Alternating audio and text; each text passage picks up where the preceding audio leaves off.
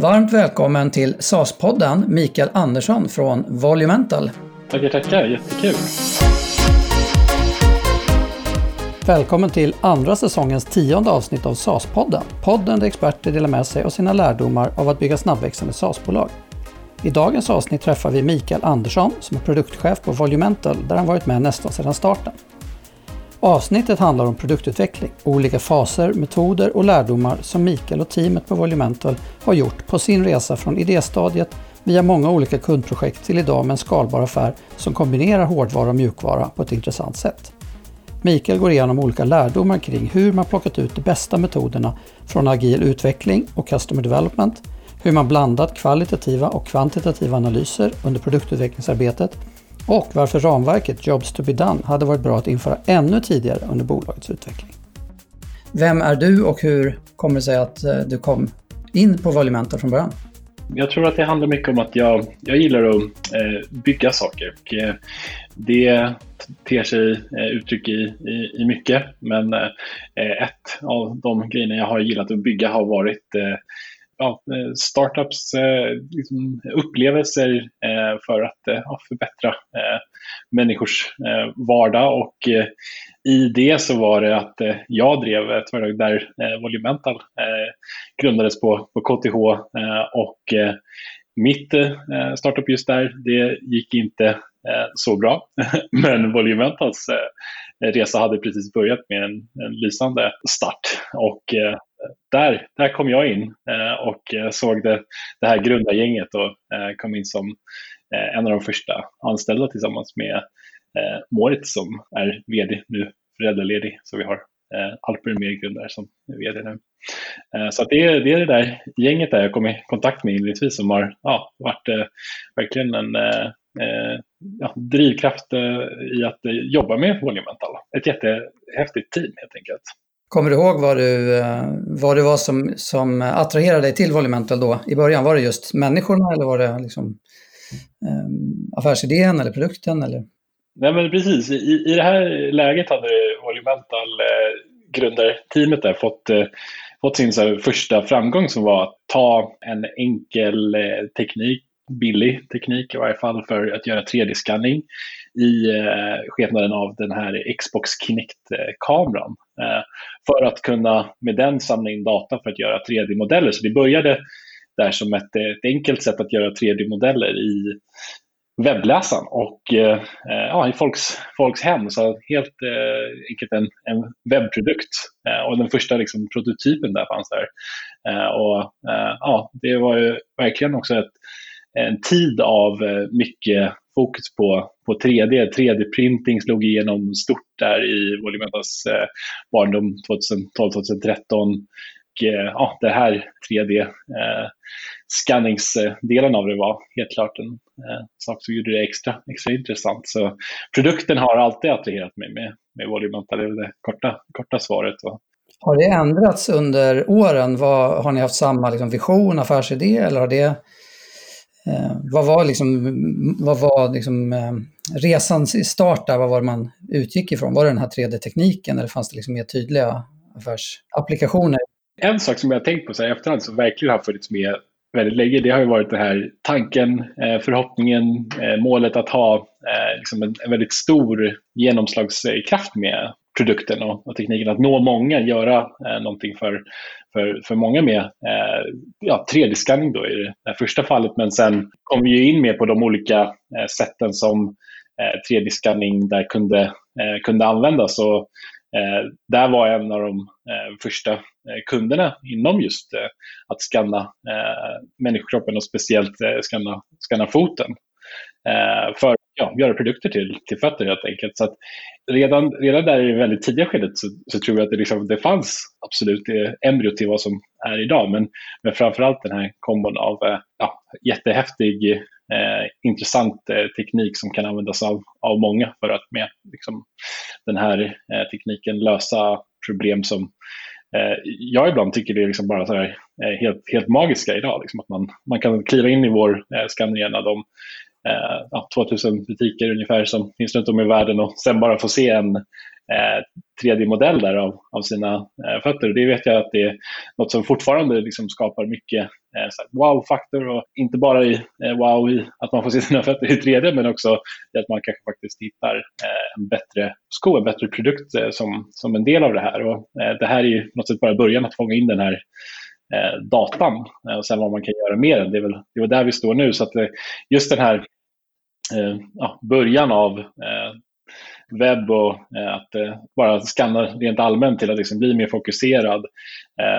Att nå fram till en hårdvara Eh, som kan göra det här. Eh, och sen nu att eh, med den här datan, med den här hårdvaran som existerar som har varit väldigt framgångsrik, kunna göra någonting mycket mer med det. det, det är där vi är. Så där, där, har vi en, en resa att berätta tror jag om hur man kan gå från de här olika stegen av mjukvara hårdvara och nu tillbaka till mjukvara. Precis, och det är därför vi har med dig här i, i SAS-podden idag, så det ska bli jättespännande att höra. Och vad, för den som inte eh, har haft koll på, på Volumental innan, ska vi ändå ta lite grann om liksom, hur stora är ni nu och vad, vad är er huvud, huvudbusiness består i? Så kan vi backa tillbaka sen så får du ta oss igenom eh, de här åren. Volumental, vi eh, har ju en huvudprodukt som är att i butiker eh, för eh, produkter eh, där man ja, säljer till Eh, Eh, personer som vill hitta något bra för sina fötter, så inte bara skor är vad jag vill säga med det. Hitta då en, eh, en perfekt eh, passform och en bättre förståelse för vilka produkter man behöver. Och det gör vi just nu i över 2000 butiker runt om i, i världen. Det är över 40 länder där vår produkt finns, över 70 kunder och där skannern då liksom används som en del i processen där att hitta eh, en, eh, en bättre eh, produkt för, för ens fötter. Och där gör vi det med världens ledande varumärken verkligen. Det är egentligen så att på, på många sätt jobbar vi med nästan alla. Och det är att vi också gör för deras eh, forskning och utveckling eh, erbjudanden. Och eh, sen förstås vad vi vill framöver kunna göra, att Eh, hjälpa dig att köpa skor i hemmet och då förstås kunna hjälpa, hjälpa alla, så många som möjligt. Eh, så att eh, där, där är vi idag med den här lösningen för, för butik och vår påbörjade resa med att ta det här till hemmet och att göra den här upplevelsen också när du köper skor online. Och speciellt ett år som 2020, när man tittar tillbaka på det, är ju det någonting som har varit ja, extra viktigt och där vi har kunnat hjälpa våra, våra kunder med att eh, eh bedriva business i ett eh, år som har utmanat retail. Vad har varit värdet som sko... De som säljer skor, så säga, vad får de ut för värde av att jobba med Volumental i, i sin affär? Enkla liksom, eh, beskrivningar av det så hjälper vi ju det är som en ja, skobutik eh, i ett fall här, att eh, eh, kunna hjälpa dina kunder till en bättre eh, upplevelse i butiken. Något som du kommer ihåg och uppskattar som, som konsument. Eh, och eh, att också hitta bättre eh, produkter. Så det kan vi se till exempel att vi, vi ökar försäljningen i de affärerna vi finns och att vi minskar eh, de returer också som är väldigt eh, kostsamma för den här, den här branschen. Så att eh, där har vi tydlig, tydlig impact så. Men eh, det jag tycker, när man tänker så här, vilket eh, liksom, jobb är det så att säga vi försöker liksom lösa för, för våra kunder så är det också att göra den här upplevelsen till någonting som är eh, unikt, någonting som de kan eh, sticka eh, ut med i sina marknader. Där har vi mycket att, eh, att erbjuda, att kunna ja, ha en, en unik och väldigt personlig eh, eh, relation där för våra kunder till, till sina kunder. Och vad är det så också att den här, om jag nu har skannat min fot i någon butik, då kan jag, kan jag få, få den datan själv också och återanvända den vid framtida köp. Ja, precis. Och det är ju någonting som vi tycker är jättespännande hur den här datan används. Så att, eh, vi har ju som eh, ett erbjudande där att den, den görs tillgänglig för dig. Du, du anger din eh, e-postadress då eh, och så får du eh, din eh, 3D-skanning eh, skickad till dig. Och det, det, här är ju något som ja, vi skickar tiotusentals sådana här eh, mejl i, eh, i varje eh, vecka och det är väldigt uppskattat. Vi ser att eh, folk öppnar de här mejlen i extremt stor utsträckning och eh, klickar vidare till att titta på sin, sin skam. Och det kanske är ett litet, bara enkelt minne också så där när man har gjort, just gjort det, men vi ser sen också att man kommer tillbaka till att, att titta på den här datan och att den hjälper dig att göra ditt nästa köp. Men, eh, men jag tycker inte riktigt det, det stannar inte där för att eh, eh, jag vet ju att min vänstra fot är 293 mm och min högra är 299. Men det hjälper ju inte mig någonting när jag ska köpa skor skulle jag säga. Eh, problemet med att köpa skor är så mycket större än att bara ha en 3D-skann av ens fötter, även om det förstås är en bra, bra utgångspunkt. Eh, så att man måste också gå det nästa steget, att, att just rekommendera eh, en, en sko till ja, din, din fot men också kanske dina behov också. Eh, så att, eh, I det här samspelet med ja, experter i butiken, om det är löpning till exempel eller skridskoåkning eller något sånt, reda ut liksom vad som är ens behov och sen också använda då vår eh, skandata för att rekommendera rätt eh, och ja, perfekt passform förhoppningsvis. Den här hårdvaran som används för att scanna, är den utvecklad av er? Ja, men precis. Så mm, det här är ju liksom lite tillbaka till liksom Volumentals eh, resa här. Att eh, tidigt i skede där så hade vi intresse att eh, just eh, eh skanna fötter med ja, enklare eh, 3D-sensorer då, som den här Xbox eh, Kinect då, till exempel. Och att egentligen var det vår mjukvara då eh, från ja, de tre tekniska grundarna som hade sitt ursprung i eh, robotik och computer vision-forskning eh, på, på KTH som eh, hade, hade en mjukvara som gjorde att man kunde använda den här typen av billigare sensor. Så att vi hade ju länge som mål att man egentligen bara skulle använda den typen av sensorer. Det finns ju lite olika sådana på, på den tiden. Och sen att vår mjukvara skulle lösa de här eh, problemen med att eh, ja, man eh, skulle få en tillräckligt bra 3D-skanning. Men just att eh, göra det här perfekt varje gång till en upplevelse som ja, slutanvändaren där eh, gillar och eh, ser snabbt värde av.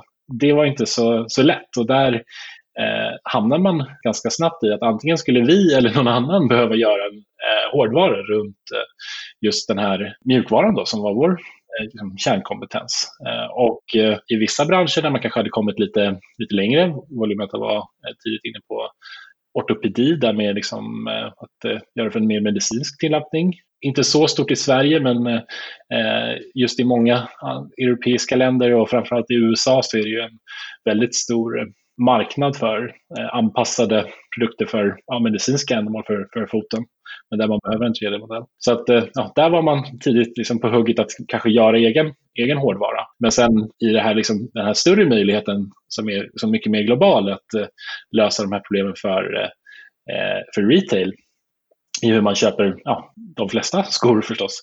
Där, där hade man ju inte liksom, den tekniska kompetensen, den insikten om att man liksom, ja, skulle kunna göra egen hårdvara. Så att för att, eh, att kunna liksom, erbjuda ens till den här medicinska branschen, där var vi tvungna att liksom, börja med hårdvaruprojekt och eh, ännu mer så för eh, det intresset som vi också hade där från, eh, från retail. Så att, eh, ja, verkligen, det, det, där har varit en jätteintressant resa där, där vi som företag absolut är under eh, ja, 2013 14 eh, fram, fram till vi lanserade den nuvarande hårdvaran eh, runt 2016 som eh, den, eh, ja, det, det, var helt enkelt en, en resa av att vara ett, ett hårdvarubolag skulle jag eh, säga så här i, eh, i efterhand. Och, ja, det är ju en stor transformation, väldigt många i teamet som lärde sig väldigt många nya saker och eh, jobbade med jättebra Eh, experter och eh, konsulter kring eh, att få till också hårdvaran. Men men att kärnan i det här har hela tiden varit den, den mjukvara och det är expertis inom datorseende maskininlärning som jag tycker är kärnan och har varit kärnan i, i Volimentats ja, produkt och liksom det som är unikt med oss som, som team. Att vi, eh, tror jag, i, i Stockholm eh, är ja, ett av de största, största vet du, teamen inom just datorseende eh, maskininlärning Eh, i dagsläget. Och sen eh, vidare så fortsätter vi att bygga mycket hårdvara. Vi, vi har haft ett väldigt bra eh, 2020 där vi har fortsatt att sälja och, ja, trots eh, världskonjunktur och annat. Men eh, just att ja, hårdvaran är en fortsatt viktig del. Men att eh, nu börjar kanske mjukvara komma, komma tillbaka i, mer och mer i fokus för oss. Om du kommer ihåg hur det var där när ni liksom började inse det, att ni kommer inte kunna köra hela vägen på er ambition med liksom andras hårdvarulösningar? Fanns det något motstånd där att börja utveckla sin egen hårdvara? Eller kommer du ihåg hur diskussionerna gick där i början? Nej, men eh, jag tycker det, det här var intressant. Det här var liksom en sån lärdom som, som jag som, som jobbade med produkt och fick väldigt mycket från eh, ja, vår vårt liksom, säljteam och liksom, det säljteamet, ja det, det är ju helt enkelt eh, vd där eh, och eh, liksom den businessmedgrundaren eh, Caroline och vår nuvarande säljchef eh, Anna, som, ja, det var de tycker jag mycket som, som förstod det här, liksom, att vi måste göra någonting mycket eh, mer som en liksom, helhetslösning. Eh, det är det våra kunder nu då liksom vill köpa. Som eh, ingenjör då, som jag själv, liksom, då kanske man tycker att Ja, men om de bara, liksom, de här kunderna, om de ser våra argument här, då kanske de, kanske de själva bygger den, den produkten. Men att liksom, för att komma fram till liksom, någonting som faktiskt skulle gå att, att sälja så, så tycker jag att det kom mycket därifrån vårt liksom, affärshåll eh, liksom, där att, och vår liksom, process för att utveckla eh, liksom, affären. Det, liksom, det här behöver bli en, en helhetslösning eh, eh, där vi gör eh, hårdvaran. För att det vill marknaden ha. Liksom. Det, det var liksom analysen. Vad händer då hos er på produktavdelningen? Jag antar att det skapar en del förändringar om ni plötsligt skulle utveckla egen hårdvara. Ja, verkligen. verkligen. Men, men först av allt tycker jag liksom det handlar mycket om den eh, liksom process och sådär som har liksom utmärkt för mig hur jag vill jobba liksom med eh, produktutveckling och vad eh, vi gjorde då också liksom var att vi var väldigt mycket i den här eh, liksom trenden vid det, vid det tillfället av det som heter eh, customer development eller ja, lean startup, så där, att man, eh, man jobbar med sina kunder för att eh, förstå vad de behöver. Man, några begrepp där, liksom build, measure, learn, att man bygger och eh, testar och eh, från tester lär sig och liksom har hypoteser man testar. Och, så att liksom det, det, det växte verkligen fram ur den, tycker jag, liksom, metoden. Liksom. Men det var ju något som man liksom så här i, i efterhand liksom ser tillbaka på. Det kanske man var liksom naiv, ja, men det går ju att bygga en, en hårdvaruprodukt. Och det handlade ju om att många individer på eh, Volumenta verkligen liksom steg fram och lärde sig många nya, nya saker och att vi, vi anställde folk som hade den här kunskapen och att vi växte som, som team. Det är ju verkligen det som har gjort att det här har, har varit möjligt om man liksom ser, ser, tillbaka på det. Att vi, ja, vi, vi var öppna för den här processen. att liksom, så här, Nu har vi eh, med eh, de här lärdomarna kommit fram till att så här behöver det vara. Och eh, då gör vi ja, så, så rätt vi kan och försöker göra det. Eh, och det, det tycker jag är något som eh, utmärkte eh, Volumenta sedan dess. Att ja, vi vill verkligen försöka eh, ja, med en, någon slags process i varje fall liksom vara, vara säkra om att det vi gör eh, faktiskt funkar. För att det är tydligt i, i vår eh, bransch att liksom det vi har bidragit med som no någonting nytt kanske i, inom retail, det har funnits 3D-scanners eh, och så för fötter i butik tidigare. Det är att vi har byggt en 3D-scanner i butik som faktiskt funkar och är snabb och, och liksom, eh, ger snabb, eh, snabbt värde för, eh, för kunder. Och, och det har gett oss till att bli marknadsledare i världen. Så att eh, utmaningen här för, för oss och för de nya produkter och så vi ska bygga, det ligger ju att eh, vi måste bygga saker som funkar och då, då behöver vi ta reda på att, att de gör det eh, med en vettig process. Mm. Så hur eh, ser liksom er produktavdelning ut? Eller om du vill ta oss igenom hur den har förändrats kanske under, under resans gång? Under, under resans gång så har ju liksom alltid eh, Bonimanta varit eh, liksom tech-tungt. Liksom många med eh, i teamet som har haft liksom, som sin roll att utveckla på olika eh, sätt, programmera eller vad det, vad det nu kan, kan vara. Så att de flesta har, har jobbat inom det och det är bara på senare år som vi liksom verkligen tycker jag har byggt upp eh, liksom samma eh, nivå av eh, eh, liksom, eh, ja, satsning på eh, också affärssidan. Liksom. Så att nu kanske det är 50-50. Vi hade ju tidigt inte heller riktigt någon som formaliserad sån struktur kring liksom, hur vi skulle göra eh, produktutveckling. Men, men det, det växte liksom fram från någon slags här, forskar eh, eh, ja, process liksom, eh, där vi hade tre medgrundare som var forskare. Liksom.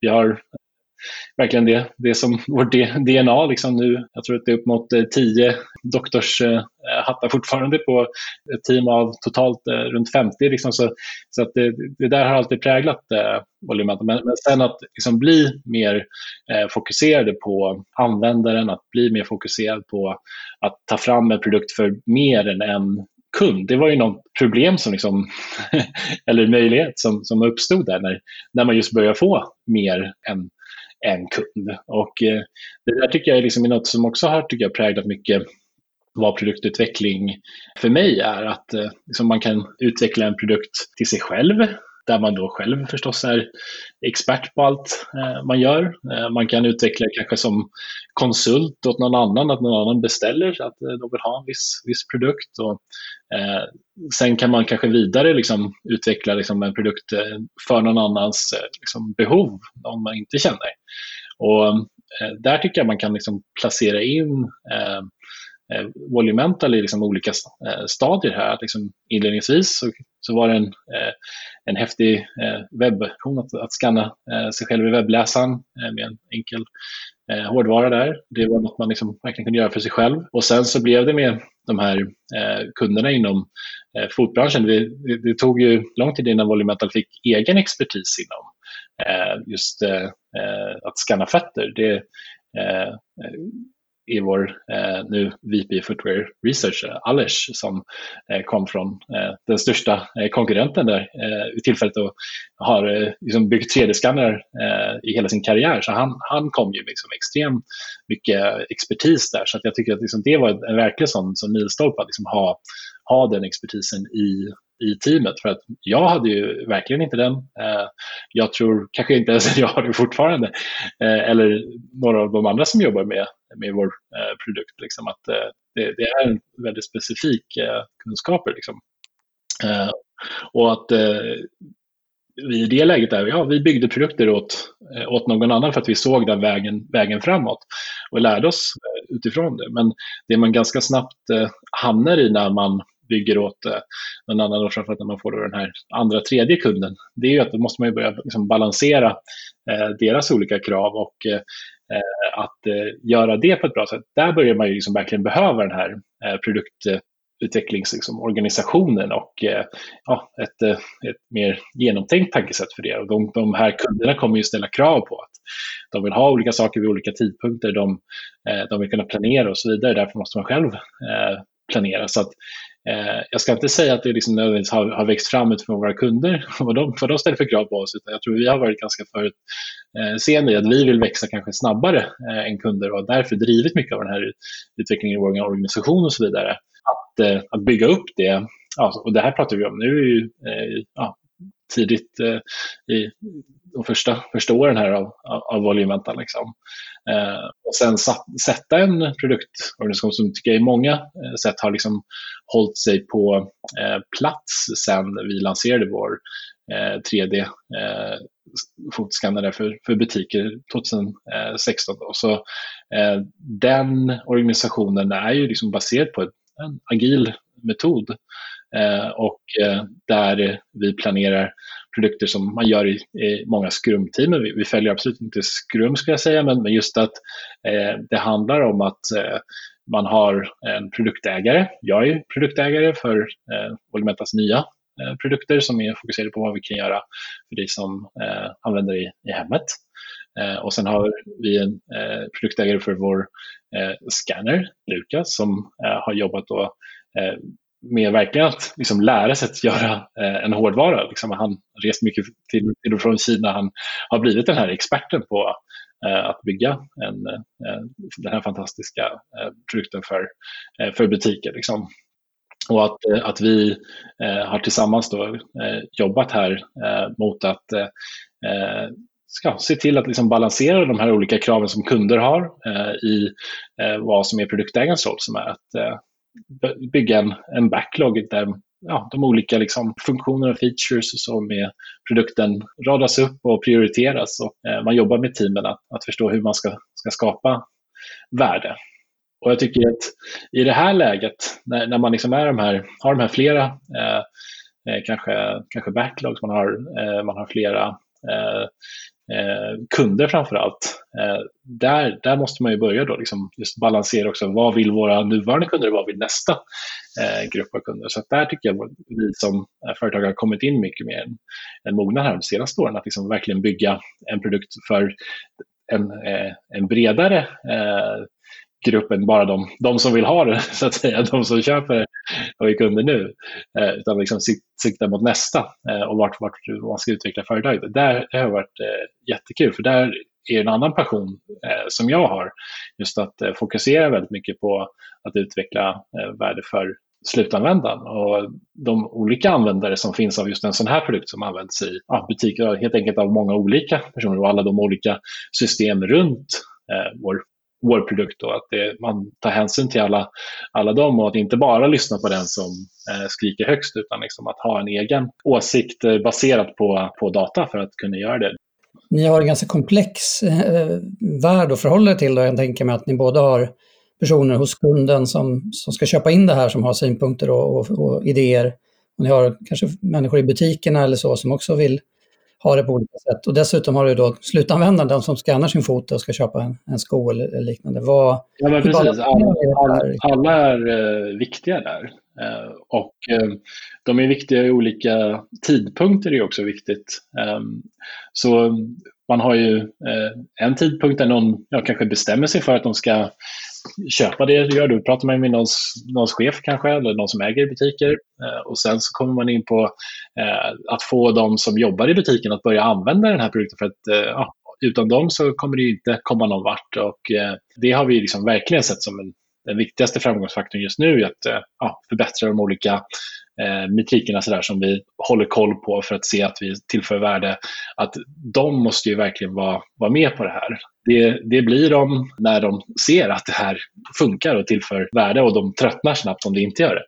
Eh, så att eh, superviktiga och förstås sen också du som konsument, eh, liksom kund i de här butikerna, att eh, det är en, en upplevelse som eh, dels är eh, fantastisk i butiken men sen också när vi vill bygga vidare på att du har, du har skapat den, den här datan. Vi har eh, en eh, 3D-skannad identifier och eh, kanske mer data om dig som kan användas för att ge ditt nästa skoköp hemmet eller någon annanstans till ja, ännu bättre resultat. Så att, liksom där, att balansera alla de här, eh, det, det, kräver på något sätt att eh, man ja, antingen har, har det på något sätt i, eh, erfarenhetsmässigt liksom i Eh, i blodet. Då. Så om man till exempel hela sin karriär har utvecklat eh, 3D-fotoskannrar, som ja, vi har tur att ha en sån person i, i vårt team. Men eh, för mig då som, som inte har den bakgrunden, då har jag ju behövt falla tillbaka istället på en användarcentrerad designprocess där man jobbar med de här olika användarna och försöker förstå dem väldigt tydligt att ja, vi jobbar med att bygga persona eh, kring eh, de här. Jag ska säga att eh, det, liksom, det har skett i olika omgångar att, att försöka göra det.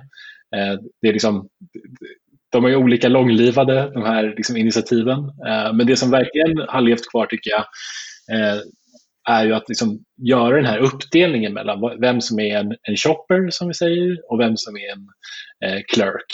Eh, och det finns ju många namn på de som jobbar i butik, så där har vi bara valt ett namn eh, för den arbetstiteln. Men just att liksom, tänka på det på det sättet och sen också när det kommer till att sälja, att där måste man ju förstå liksom att det finns olika drivkrafter också i de här teamen, att, eh, som hos våra kunder där, att eh, retail-delen eh, är en sak och det ser annorlunda ut med, med retail om du är en, ett stort skomärke. Vi jobbar till exempel med, med New Balance, än om det är när man jobbar till, till en, en stor butikskedja och nu i, i år här så lanserar vi med XXL i Skandinavien till exempel. Då. Så alla deras eh, butiker. Det är jättekul att eh, vi kommer in i, i svenska butiker här eh, och skandinaviska och tyska där som XXL är. Men just att vi har ju funnits länge i, ja, runt om i världen, 40 olika länder som jag sa, just då, framförallt med fokus på på USA. Och där har det varit väldigt svårt då liksom att få kanske tillgång till de här eh, butiksanställda i just USA som eh, ja, dels kräver ju att man åker dit kanske eller liknande men att som, som team liksom få en förståelse för vad, vad är deras verklighet och så. Och där tror jag att just ja, jobba med eh, en förståelse för att det här är eh, verkligen annorlunda personer än, eh, än du och jag kanske som här, svenska, eh, eh, eh liksom, jag är ingenjör och du eh, en eh, liksom entreprenör. Så, så att liksom så här, vi, vi kan fungera väldigt annorlunda, liksom, drivas av väldigt olika saker. Eh, och också i vår situation. Liksom. Så att där, där måste man verkligen jobba med det. Där blir det att man jobbar med att ja, eh, göra en produkt för någon, någon helt annan än sig själv. Och det, det tycker jag har varit väldigt eh, liksom utmanande dels, men också eh, liksom fascinerande liksom, att försöka förstå de här olika grupperna. Eh, och det, det är också bland våra kunder liksom en, en stor spridning. att liksom det, Vi har ju en, eh, framförallt mycket kunder inom eh, inom sport. Eh, och även där eh, finns det ju olikheter att liksom jobba med eh, ledande skridskotillverkaren i världen, eh, Bauer, som eh, har ja, varit där de första svenska och skandinaviska skandinaverna eh, kom förstås för att eh, det är mycket hockey i Sverige och eh, Finland och framförallt. Så eh, där hade man kanske lite koll på vad, vad, som hände i butiker. Men det är en väldigt speciell situation med när en eh, 11-åring ska köpa nya skridskor som eh, kanske är liksom en av de eh, stora liksom, kundgrupperna där jämfört med eh, när en eh,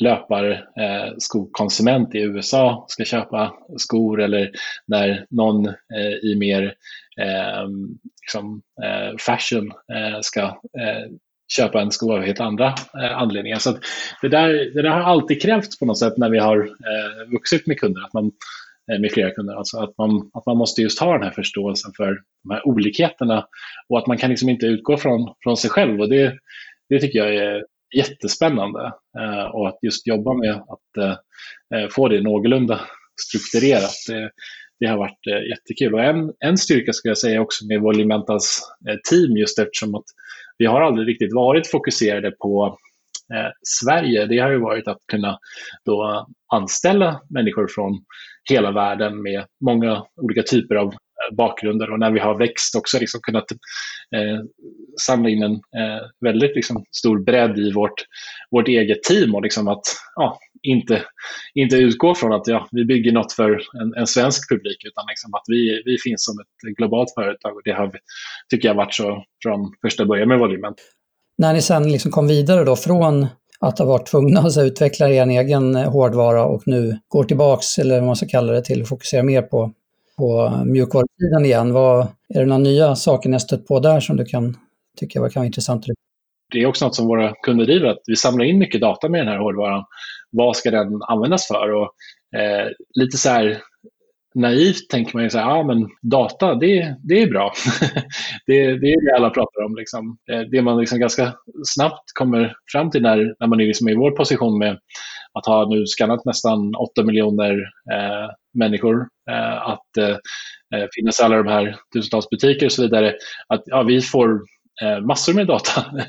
Men liksom, vad är det det går att använda till? Och att liksom, göra den data som tidigare hos våra kunder kanske var liksom, bara helt död liksom, i, eh, i hur de använder den. Att de använde eh, kanske inte liksom, den försäljningsdata de hade till något annat mer än statistik, att, att vi kan komma in där, att kombinera eh, data från vår scanning med försäljningsdata om vem köper vilken sko och sen vem har då en viss eh, fot och att bygga eh, maskininlärningsmodeller för att rekommendera skor ovanpå det. Det har ju liksom öppnat upp då möjligheten att ta det här till nästa steg, att just rekommendera skor med all den här datan och att göra den datan som tidigare ja, har varit död för kanske eh, de ja, flesta i varje fall av vår, våra kunder, eh, att den går att helt plötsligt använda till något väldigt värdefullt. Att då sälja skor online kanske, men framförallt bara att förbättra hur, hur man säljer skor och hur man utvecklar produkter.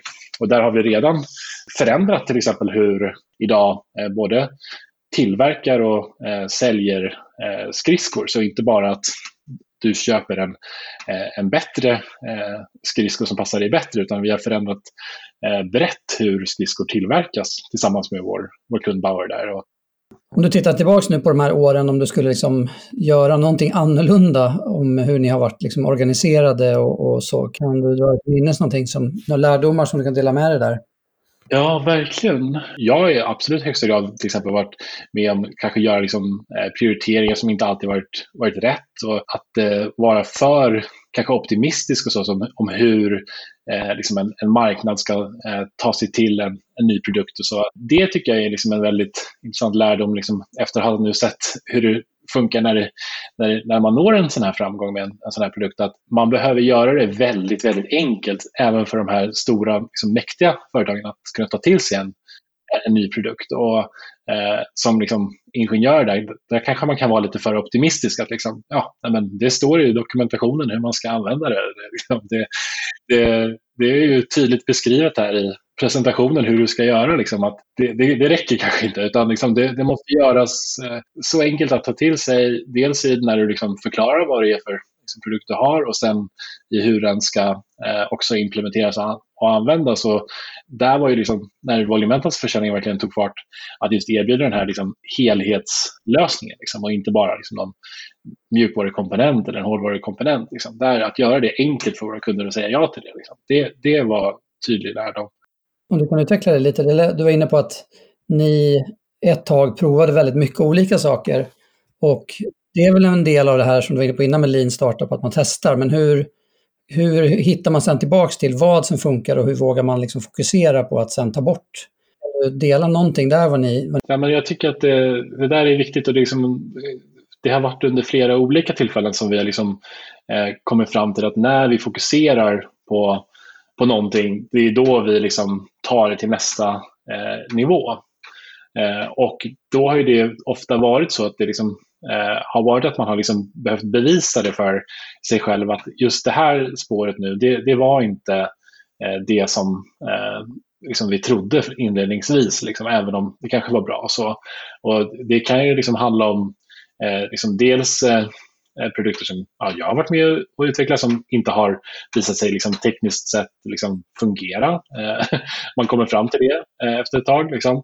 Och, och, då är det liksom så lätt att bara tänka, okay, ja, men jag, vi försöker lite till, det kanske går, det kanske går. Eh, men att eh, där var liksom hård mot sig själv. Liksom bara, ah, nej, det funkar inte. Vi satsar på den här, den här grejen som funkar istället. Och då har bestämt sig för liksom, vad, vad är det som krävs. Inte, inte vara Eh, i det läget att man tror att ja, men bara lite till. För att det är väldigt farligt och då kan man hålla på lite för länge och det kan ju ta ja, död på de, de bästa projekt. Men sen kan det också vara det här att, eh, som vi har haft som ett projekt som har varit, tycker jag blev en fantastisk eh, eh produkt som var att skanna eh, ansikten för att göra eh, glasögon. Som eh, vi hade eh, under ja, förra liksom, tidiga tid där och att eh, det var väldigt mycket något som liksom skedde tillsammans med en kund så det fanns alltid liksom en tydlig, liksom, eh, liksom, tydligt värde som skapades. Det, det blev tekniskt sett också någonting som, som blev väldigt eh, bra och som ja, visades på till exempel en, en mässa då. Vi gjorde det tillsammans med en, en stor eh, glasögontillverkare som heter Makita jag själv var inte så inblandad i, i, i det projektet, men det man liksom kunde se där var att det blev väldigt väl mottaget. Det var, de som jobbade i teamet var glada att jobba i teamet. Det, liksom, det, var, det var på många sätt en bra produkt.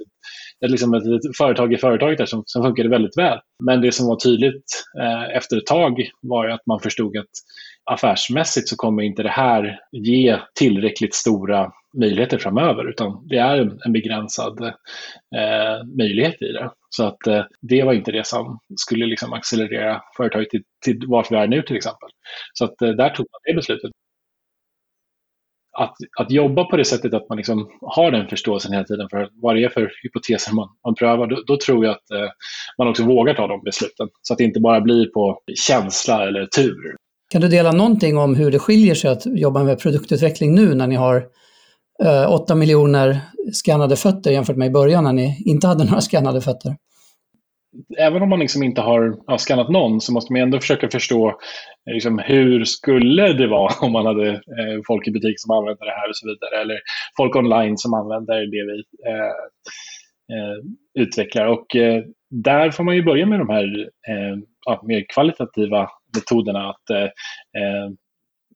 forska liksom på mer så individnivå i en eh, grupp eh, som man vänder sig mot. Liksom vad, vad de vill med en, eh, en produkt. Att eh, jobba med eh, prototyper och eh, väldigt kollaborativt med användarna helst liksom, eh, hur de skulle vilja liksom, ha det här problemet som de har löst. Liksom, att man eh, som eh, då framtida kund vill ju ha något jobb utfört helt enkelt som vår produkt ska liksom göra där åt dem. Att liksom försöka förstå det, det jobbet som behöver utföras och liksom vad är det för olika eh, ingredienser i det liksom väldigt korporativt med, med användarna. Det blir ju liksom väldigt mycket liksom att ha en tydlig eh, eh, liksom dialog och samarbete där med, eh, med människor. Liksom, att direkt samarbeta för att bygga det. Och, och kunder också då, liksom, att det kan ju vara att kunder liksom, mer eller mindre liksom beställer någonting. Liksom. Så var det väldigt mycket tidigt i Volumentas utveckling. Men, men nu senare när vi har liksom många kunder, då kan ju inte en kund bestämma hur alla andra kunder ska ha sin upplevelse, utan där har vi ju då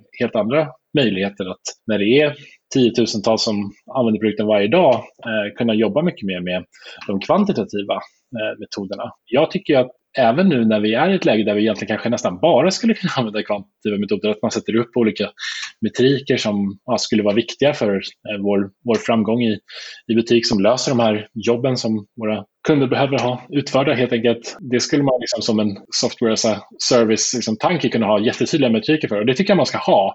Och det har ofta liksom hjälpt oss att ha det.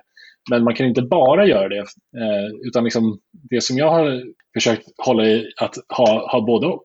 Eh, och att eh, där eh, fokusera på liksom att de här stora viktiga liksom förändringarna, där, där behöver man ju verkligen ha förståelse för, för att testa och så vidare. Och liksom ett sånt exempel för oss var att vi liksom kanske hade en egen idé om att vi ville förändra flödet i, i appen den app vi har där för att göra, göra det bättre som vi trodde eh, i att samla in e-postadresser när man blir skannad. Men sen visade det sig när vi liksom lanserade den featuren att rent kvantitativt hade vi minskat antalet ganska kraftigt med hur många e-postadresser som, som blev samlade. Och, och då drabbar det liksom vår butik väldigt hårt. Att där liksom har istället jobbat mycket mer med testning av det hade ju varit liksom en lösning för oss. Men samtidigt så måste man ju också komma fram till nya produkter, nya eh, features och då kan man, som eh, det har varit för oss, där, liksom, behöva göra den här resan igen och liksom lära sig kollaborativt eh, förstå med användarna. Så att, just att man har möjligheter i det här stora skedet, men Eh, just att eh, inte glömma heller att eh, för att liksom komma fram till liksom nya insikter, där, måste man också fortfarande jobba kvalitativt. Så det har varit tycker jag, styrka att liksom, vi har kunnat göra både och och har börjat med det här kvalitativa. Du nämnde det här jobb som de behöver få gjort. Är det här Jobs to be done? Är det ett ramverk som ni använder i Ja, exakt. Jag har, jag har snöat in på det ganska mycket senaste tiden och jag tycker att det, det sammanfattar för mig det som till exempel varit bra eh, från Customer så här, Development och Lean Startup eh, rörelsen där som var ja, 2010. Liksom. Det är ändå tio år sedan, någonting har hänt och det där hände väl till exempel. Eh, för att vad det liksom har gjort eh, för mig och det, det här har kommit liksom de senaste liksom, eh, åren med ehm, nya liksom, eh, medlemmar i teamet som kommit med liksom, de, de insikterna. Att eh, eh det liksom förklarar lite mer liksom, vad man ska liksom, eh, fokusera på och prioritera. Att, eh, det, det, är något som kan hjälpa en med just prioriteringar. När man då istället har en, en mer kollaborativ liksom, produktutveckling, då kanske, då kanske man liksom inte förstår varför någonting är viktigt, utan det bara blev så tillsammans med användaren. Då. Så användaren förstod varför det var viktigt, men jag, jag förstod inte varför det var viktigt. Så att, eh, det där tycker jag är en, eh, en kul och värdefull sak att plocka upp. Någonting som jag skulle liksom vilja ha haft ja, 2013 till exempel. Vad tror du det hade gjort för skillnad om ni hade haft det tankesättet tidigare? I den här allra första liksom, idén som ändå gav liksom mycket uppmärksamhet kring volumentalism, liksom att 3D-skanna sig i, i hemmet så där, då hade man kanske tidigare förstått att man hade behövt eh, slipa till den och så. För att, eh, vad var det för jobb egentligen som man behövde ha gjort där? Det kanske inte var något, det kanske bara var att typ ha lite kul. Liksom. Och det finns det ju olika typer av eh, olika andra lösningar för. Men eh, just att liksom, eh, fokusera på liksom, det värde eh, man tillför på det lite mer strukturerade sättet, det, det är en eh, insikt som har hjälpt mig framöver. Vi rundar alltid av SAS-podden med fem snabba. Kommer du ihåg när du först hörde talas om begreppet SAS? Ja, nej, men eh, jag har ju pluggat industriell ekonomi på KTH, så det där, liksom, det där, det där har varit mer tidigt tycker jag. Eh, så det måste ju varit under liksom, utbildningen där, liksom, 2006 liksom, och framåt. Så där. Och om du skulle beskriva SAS största fördel som affärsmodell, det ser jag verkligen nu också med som Volumental här, att man, liksom, man fokuserar ju på att eh, leverera värde och sätta liksom, pris efter eh, det värdet eh, som skapas eh, ofta i de modellerna. Liksom, att man behöver inte göra en stor investering utan att eh, man, eh, man tar betalt väldigt tydligt efter det värdet och då tror jag till och med att man kan ta mer betalt. Så att, eh, det är en bra modell för, eh, för många olika anledningar. Vad önskar du att du förstod tidigare om SAS som du vet idag? Någonting som vi ställs inför i eh, hur vår e-commerce-produkt nu eh, ska tas emot av eh, branschen, att den här världen den drivs väldigt mycket av eh, att man visar impact på olika metriker och eh, att eh, kunna komma med tydliga case eh, där man visar hur man tidigare har gjort det och därför kan ja, försvara sin kanske prissättning eller det, det värdet man påstår sig, sig ha att vara väldigt fokuserad på de här siffrorna tycker jag är något som utmärker den här SAS-världen. Och vilka är de bästa SAS-produkterna som du använder till vardags? Jag är en eh, stor användare av till exempel eh, Mixpanel och andra liksom, analytics-mjukvaror. Eh, så Det är någonting som eh, driver mig eh, mycket i, i, mitt dagliga jobb men också i liksom, hur vi påverkar vår Eh, strategi och eh, ja, prioriteringar. Och vem skulle du önska få lyssna på här i SAS-podden?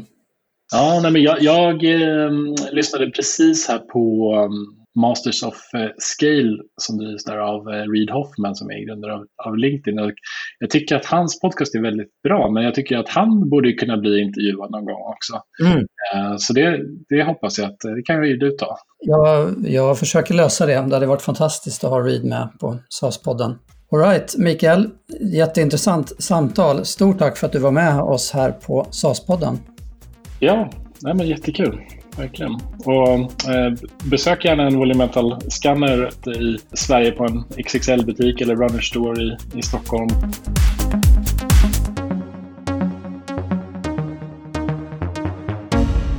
Tack för att ni har lyssnat på säsongens tionde avsnitt av SAS-podden. På www.cloudcapital.se SAS-podden hittar du alla avsnitt av podden. Jag heter Johan Krona och om två veckor blir det säsongsavslutning när vi pratar med en rutinerad SAS-säljarräv från ett av de snabbast växande SAS-bolagen i Sverige. Missa inte det!